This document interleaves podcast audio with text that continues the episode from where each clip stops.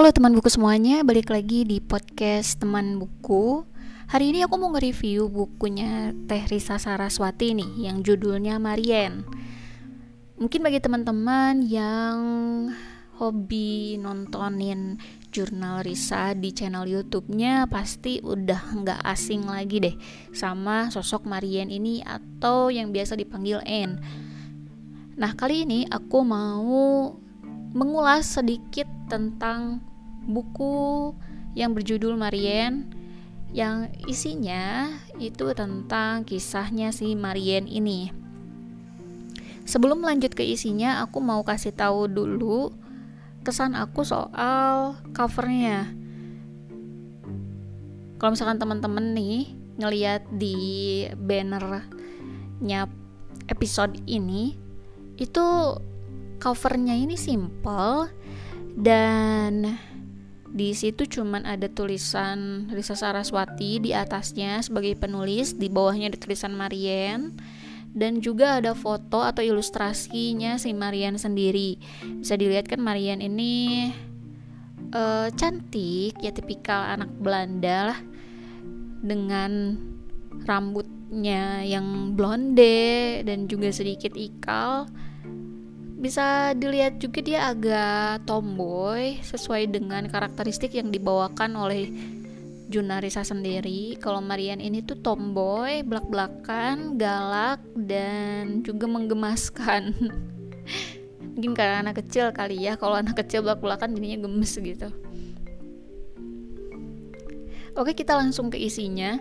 Di buku ini tuh ada sekitar 4 sesi apa lima sesi? Lima sesi deh. Lima sesi.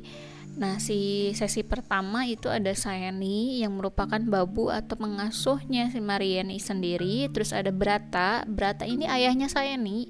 Dan juga uh, centengnya ayahnya Marian. Dan kepercayaannya ayahnya Marian juga Terus uh, lanjut yang ketiga itu ada Teh Risa Saraswati di sini, terus ada Anton van Gieberg. Anton van Gieberg ini adalah ayahnya Marianne dan yang terakhir Marianne sendiri. Nah, di masing-masing sesi ini mereka menceritakan kesan mereka terhadap Marianne. Saya nih dan Brata yang merupakan pegawai keluarga Van Gieberg. Mereka awalnya ngelihat nona muda ini tuh uh, angku sombong ngeselin lah yang menjengkelkan. Kalau kata orang Sunda tuh pika sebelen hayang neke gitu. Ya pokoknya ngeselin lah ya tipikal anak perempuan yang uh, yang ngeselin lah gitu. Mau ngomong cuman ditahan karena kayaknya nggak pantas gitu untuk diomongin. Terus setelah itu ada kesannya Teresa terhadap si Marian ini lanjut ke ayahnya. Tapi kita skip dulu yang ayahnya. Kita ngobrol dulu nih dari kesan-kesannya tiga orang ini. Saya ini Berata sama Teresa. Nah for your information saya ini dan Berata ini udah nggak ada ya. Karena dia hidup di zamannya Marian hidup yaitu sekitaran tahun 19-an 40 45 karena sekitar segitu lah. 1945 tuh mereka udah dewasa. Apalagi ayahnya saya nih ya. Udah jelas semua udah bapak-bapak dan saya sendiri itu udah dewasa. Dan um, mereka ini awalnya tuh mengesankan Marian ini tuh ngeselin, nyebelin, terus uh, tipikal anak londo yang tidak banyak orang disukai tidak banyak disukai orang maksudnya. Da tapi akhirnya itu mereka jadi menaruh simpati sama Marianne. Terus lanjut ke Anton van Gieberg. Anton van Gieberg ini adalah ayahnya Marianne dan dia tuh ke Marianne itu sebenarnya sayang tapi ada dendam sama ibunya jadi dia lebih dingin gitu ke Marian padahal ya sayang gitu walaupun sebenarnya Marian ini bukan anak Van Gieberg ya ini sedikit spoiler ya biar teman-teman pada penasaran kenapa bisa kok Marian ini bukan anaknya Anton van Gieberg nah coba deh dibaca bukunya. Terus yang terakhir ada Mariannya sendiri. Nah Marian di sini menceritakan kisahnya di akhir hayatnya. Jadi dia menceritakan bagaimana dia meninggal prosesinya hubungan mereka sama hubungan dia sama saya nih sama Berata sama si Anton van Gieberg juga tuh kayak gimana gitu pada akhirnya. Nah di sini diceritakan pada sesi si Marian ini. Lanjut ke kesan bukunya. Nah aku tuh sebenarnya udah hampir baca seluruh bukunya Teh Risa kecuali Marian sama yang terbaru itu Mamat dan Ujang. Itu belum sempat baca. Dan kebetulan yang si Marian ini udah bacakan ya jadi tinggal si Mamat dan Ujang. Nah dari kita ambil uh, Peter CS lah ya aku baca Peter CS tuh kayak dari satu buku ke satu buku yang lain tuh kayak sama gitu kayak copy paste. Jadi kesannya agak membosankan walaupun awalnya kan aku pasti baca yang Peter dulu kan? Baca yang Peter wah asik nih. Terus uh, dari Peter ke Hendrik deh kalau nggak salah.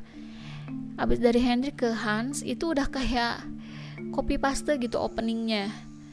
Jadi apa yang ada di buku yang pertama itu sebenarnya ditulis lagi di buku yang kedua tapi dengan uh, point of view po apa ya pandang tok pandangan beda beda pandangan tokoh gitu. Apa ya gimana ya ngomongnya? Beda sudut pandang dari tokoh yang berbeda kayak gitu. Jadi sebenarnya isinya tuh hampir sama cuman ditambahin sedikit yang tidak diketahui oleh orang lain kayak gitu jadi ya dari lima buku itu um, gimana ya agak ngebosanin aja sih. Nah yang beda yang si Marian ini. Jadi Marian itu kayak kalau gini ya kalau misalkan lima buku dari si Peter CS ini itu kayak merupakan satu kesatuan gitu. Tapi kalau si Marian ini dia beda sendiri. Kayak gitu. Makanya aku baca buku ini tuh sebenarnya bisa satu hari tuh beres. Tapi karena ada kegiatan lain jadi aku bacanya sekitar satu setengah hari lah. Kayak gitu. Uh, yang paling berkesan di buku ini sebenarnya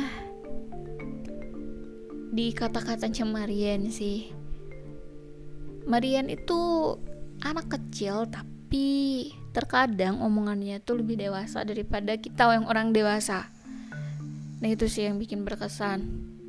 Aku lupa dialognya yang di mana kebiasaan memang seperti itu. Terus kadang juga lupa ngasih uh, apa namanya sticky note. Jadinya ya udah gitu mau sekarang mau nyebutin juga ya udah yang mana ya? Lupa ya halaman berapa? gitu. Jadi agak lupa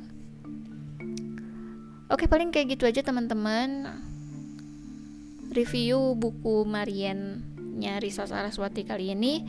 Mudah-mudahan bagi teman-teman nih yang penasaran bukunya jadi da bisa dapat jawaban kalau bukunya ini tuh seru atau enggak sih. Jadi bisa kalian yang menilai lah.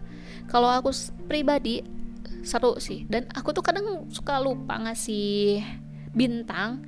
Nah buat yang Marian ini aku kasih bintang 4